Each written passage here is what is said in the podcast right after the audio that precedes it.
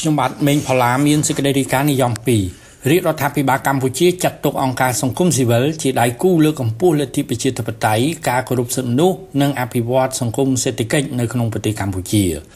ចំណែកសេចក្តីរាយការណ៍មួយទៀតនិយម2កម្ពុជាចាប់ផ្ដើមចាក់វ៉ាក់សាំងបង្ការជំងឺ Covid-19 ដូសទី6 ជាដំបូងខ្ញុំបាទមានសេចក្តីរាយការណ៍និយម2រាជរដ្ឋាភិបាលកម្ពុជាចាត់ទុកអង្គការសង្គមស៊ីវិលជាដៃគូលើកកម្ពស់លទ្ធិប្រជាធិបតេយ្យការគោរពសិទ្ធិមនុស្សនិងអភិវឌ្ឍសេដ្ឋកិច្ចសង្គមនៅក្នុងប្រទេសកម្ពុជា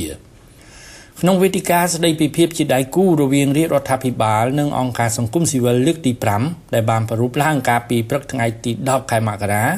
លោកឧបនាយករដ្ឋមន្ត្រីសខេងរដ្ឋមន្ត្រីក្រសួងមហាផ្ទៃបានបញ្ជាក់ជាថ្មីថារាជរដ្ឋាភិបាលកម្ពុជា បានចាត់ទុកអង្គការសង្គមស៊ីវិលជាដៃគូក្នុងការចូលរួមលើកកម្ពស់លទ្ធិប្រជាធិបតេយ្យសេរីភាពនិងការគោរពសិទ្ធិមនុស្សការពង្រឹងនីតិរដ្ឋនិងការអភិវឌ្ឍសេដ្ឋកិច្ចសង្គម។ លោកសខេងបានបញ្ជាក់ថារាជរដ្ឋាភិបាលកម្ពុជាមានកាតព្វកិច្ចនិងបន្តបដិញ្ញាចិត្តក្នុងការពង្រឹងដំណើរការលទ្ធិប្រជាធិបតេយ្យព្រមទាំងការលើកស្ទួយសិទ្ធិសេរីភាពរបស់ប្រជាពលរដ្ឋនីតិរដ្ឋនិងលំហនយោបាយតាមរយៈការពិគ្រោះយោបល់ជាមួយគ្រប់តួអង្គពាក់ព័ន្ធនានាក្នុងការដឹកនាំគ្រប់គ្រងនិងអនុវត្តសេដ្ឋកិច្ចសង្គមប្រកបដោយប្រសិទ្ធភាពបាទជាទូទៅខ្ញុំគិតថាល្អអមែនទែនដោយសារថាយើងបាន ហើយតែមានការប្រជុំដើម្បីបូកសរុបបទពិសោធន៍នៅលទ្ធផលការងារដែលយើងធ្វើបានហើយនឹងពិនិត្យមើលបញ្ហាប្រឈមនានាហើយដែលរឿងនេះជាលើកទី5ហើយមែនទែនអឺបើសិនជាមិនមានកូវីដការប្រជុំនេះគឺយើងធ្វើបានច្រើនជាងនេះប៉ុន្តែឥឡូវនេះចាប់ពីពេលនេះទៅគឺថាយើងមានការខំធ្វើបញ្ហានេះ ឯកទៅតាមច្បាប់ឬមួយក៏គោលនយោបាយរបស់រដ្ឋាភិបាលកម្មវិធីនយោបាយរបស់រដ្ឋាភិបាលគាត់ខ្ញុំគិតថាពួកគាត់នឹងឯកទៅលើនោះដើម្បីគាត់លើកជាគម្រោងហើយចូលរួមឧទាហរណ៍ថាគាត់ត្រូវការអនុវត្តគម្រោងណាមួយអឺតកតងនឹងការជួយដោះស្រាយនៅមូលដ្ឋានឧទា ហរណ៍ថាតកតងកម្មាព្រាឬក៏តកតងនឹងបញ្ហាសង្គមកិច្ចអីផ្សេងៗទៀតជាដើមអញ្ចឹងគាត់លើកគម្រោងដើម្បីស្វែងរកថវិកាពុកថវិកាហើយបានមកគឺថាគាត់អនុវត្តគម្រោងនេះដែរឬមួយក៏គាត់ចុះកិច្ចប្រឹងប្រែងរបស់ NGO ដែលចុះនៅក្រសួងការបរទេសគឺជា NGO បរទេសតែ NGO បរទេសគាត់ទៅធ្វើការជាមួយនឹងក្រសួងណាថាក្រសួងកសិកម្មផ្នែកអីមួយ ក្រសួងគុំកិច្ចផ្នែកអីមួយក្រសួងវប្បធម៌ក្រសួងអប់រំជាដើមឡាក់នឹងឡាក់បានការព្រមព្រៀងនេះហើយបានក៏យកអានឹងទៅចុះបញ្ជីនៅក្រសួងការបរទេសនឹងប្រទេសរួចហើយគេអនុវត្តតាមនោះ ចំណែកក្រុមអង្គការសង្គមស៊ីវិលដែលបានចូលរួមវេទិកាបានលើកឡើងនៅការស្នើសុំ5ចំណុចជូនដល់ក្រសួងមហាផ្ទៃដើម្បីអន្តរាគមន៍ក្នុងការងារជាដៃគូនឹងរាជរដ្ឋាភិបាល5ចំណុចនោះរួមមានការស្នើឲ្យក្រសួងមហាផ្ទៃពិចារណាទទួលយកធាតចូលនិងសំណុំពររបស់អង្គការមិនមែនរដ្ឋាភិបាលឲ្យបានខ្ពស់ពាក់ព័ន្ធទៅនឹងការធ្វើវិសោធនកម្មច្បាប់ស្តីពីសមាគមនិងអង្គការមិនមែនរដ្ឋាភិបាល ព្រមទាំងស្នើសុំឲ្យអនុវត្តនិងពង្រឹងកិច្ចសហការរៀបចំវេទិកា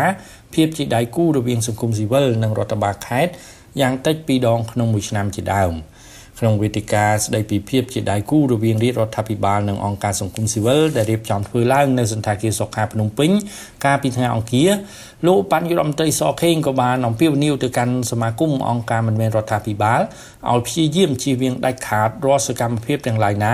ដែលពាក់ព័ន្ធឬក៏គ្រប់គ្រងការលាងសម្អាតប្រាក់ហិរញ្ញប្បទានភេរវកម្មនិងហិរញ្ញប្បទានអាវុធមហាប្រឡាយដែលផ្ដល់បច្ច័យអវិជ្ជមានលើផ្នែកប្រព័ន្ធហិរញ្ញវត្ថុលំហូរវិនិយោគនិងនយោបាយនៅកម្ពុជាជាដើម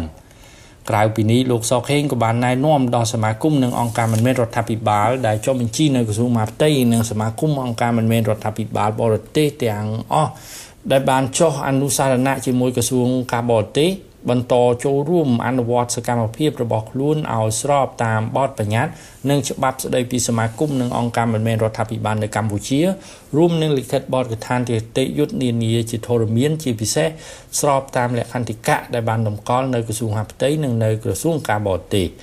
ពាក់ព័ន្ធទៅនឹងការលាងសម្អាតប្រាក់ថ្នាក់ដឹកនាំអង្គការឃ្លាំមើលការលាងលុយកខ្វក់និងរញ្ញប្រទានភេរវកម្មពិភពលោកដែលហៅកាត់ថា FATF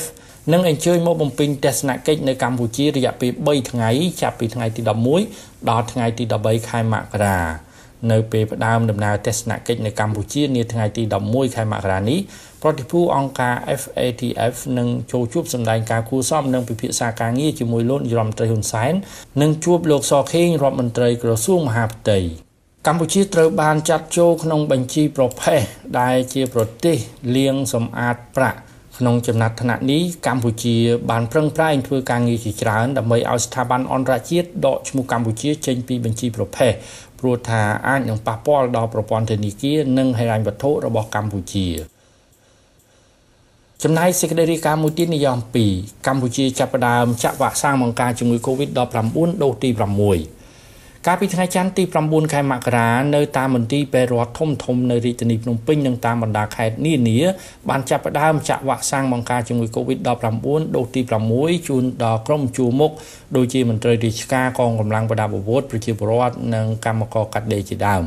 ក្រៅពីចាក់វ៉ាក់សាំងដូសទី6កម្ពុជាក៏ចាប់ផ្ដើមចាក់វ៉ាក់សាំងដូសជំរុញទៅដល់កុមារអាយុចាប់ពី3ឆ្នាំដល់ក្រោម5ឆ្នាំ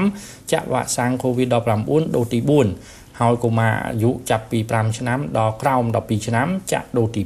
5ក្នុងពេលពិនិត្យដំណើរការចាក់វ៉ាក់សាំងបង្ការជំងឺ Covid-19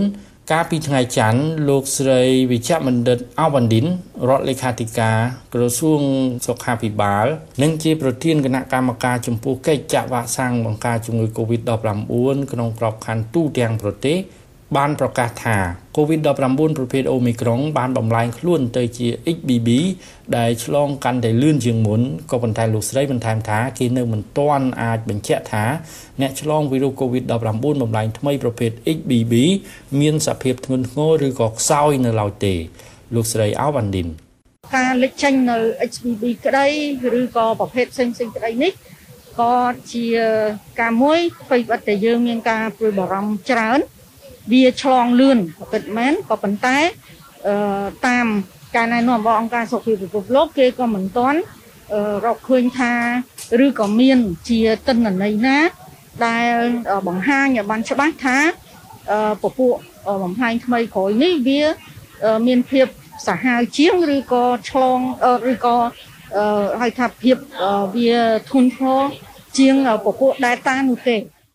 ជាមួយនឹងការលើកឡើងខាងលើលោកស្រីវិជ្ជបណ្ឌិតអាវ៉ាន់ឌិនបានប្រកាសអំពីវិនិយោគទៅដល់ប្រជាពលរដ្ឋទាំងអស់សូមអញ្ជើញទៅទទួលចាក់វ៉ាក់សាំង COVID-19 ដូសជំរុញដូសទី3ដូសទី4ដូសទី5និងដូសទី6នៅក្នុងកម្រិតចាប់ពី4ខែទៅ6ខែព្រមទាំងដូសជំរុញបន្តបន្ទាប់បែបជាប្រចាំធម្មតាក្នុងកម្រិត6ខែក្រោយការចាក់ដូសចុងក្រោយតាមលោកស្រីវិជ្ជបណ្ឌិតអាវ៉ាន់ឌិន ការចាក់វ៉ាក់សាំងបន្តបន្ទាប់នេះដើម្បីចូលរួមរក្សាបាននៅភាពស៊ាំបុគ្គលរឹងមាំក៏ដូចជាភាពស៊ាំសហគមន៍រឹងមាំនៅក្នុងបរិបទប្រយុទ្ធប្រឆាំងទៅនឹងការឆ្លងរាលដាល COVID-19 ជាពិសេសពពួកអូមីក្រុងបំលែងខ្លួនថ្មីថ្មីដូចជា XBB XBB 1.5 BQ1 BA 5.2 BA 2.75 BA 4.6 BA 2.3.20និងពពួកបំលែងខ្លួនរាប់រយផ្សេងផ្សេងទៀតដែលមិនអាចរៀបរាប់អស់ឡើយលោកស្រីអាវ៉ាន់ឌិនបន្ថែមថាបើបុគ្គលមិនបានទៅចាក់ដូសជំរុញទីបន្តបន្ទាប់ឲ្យបានត្រឹមត្រូវទេនោះអង្គទីកក្នុងសរីរាង្គបុគ្គលនឹងធ្លាក់ចុះជាបណ្ដាបណ្ដាក្នុងរយៈពេលពី4ទៅ6ខែឡើងទៅហើយនឹងអាចចុះអស់សឹងតែដល់0បើកម្រិតកាន់តែយូរជាងនេះ ដែលទុកលំហធំធេងផ្ដល់ជាឱកាសដ៏ល្អសម្រាប់វីរុស COVID-19 ផ្ទុះឡើងសារជាថ្មីនៅក្នុងសហគមន៍យើងដោយផ្ដើមចេញពីភាពថមថយនៃភាពស៊ាំរបស់បុគ្គលដូច្នេះយើងមិនត្រូវមើលរំលងលទ្ធភាពនៃការវាយលុករបស់ពពួកអូមីក្រុងបំលែងខ្លួនថ្មីថ្មីនាពេលនេះនិងនាពេលខាងមុខនេះឡើយ។ លោកស្រីអាវ៉ាន់ឌិនបន្តថាសុខភាពរបស់បងប្អូនគឺពឹងផ្អែកទាំងស្រុងលើការទទួលខុសត្រូវរបស់បុគ្គលក្នុងការបន្តការពារខ្លួនតាមរយៈវិធានការ3ការពារនិង3កុំរួមទាំងការស្ម័គ្រចិត្តទៅទទួលយកថ្នាំវ៉ាក់សាំង COVID-19 ដូសជំរុញបន្តបន្ទាប់ដោយមិនមានការរើសអើងវ៉ាក់សាំងឡើយវ៉ាក់សាំង COVID-19 ដែលមានក្នុងបញ្ជីប្រើប្រាស់បន្ទាន់របស់អង្គការសុខភាពពិភពលោកដែលកម្ពុជាកំពុងតែប្រើប្រាស់មានប្រសិទ្ធភាព ជួយដល់អាយុជីវិតមនុស្សកាត់បន្ថយបានជាអតិបរមានៅអត្រាឈឺធ្ងន់ធ្ងរអត្រាស្លាប់និងអត្រាចូលសម្រាប់ពេទ្យដោយសារតែជំងឺ Covid-19 ខ្ញុំម៉េងផល្លា SBS ខ្មែររាយការណ៍ពីរាជធានីភ្នំពេញ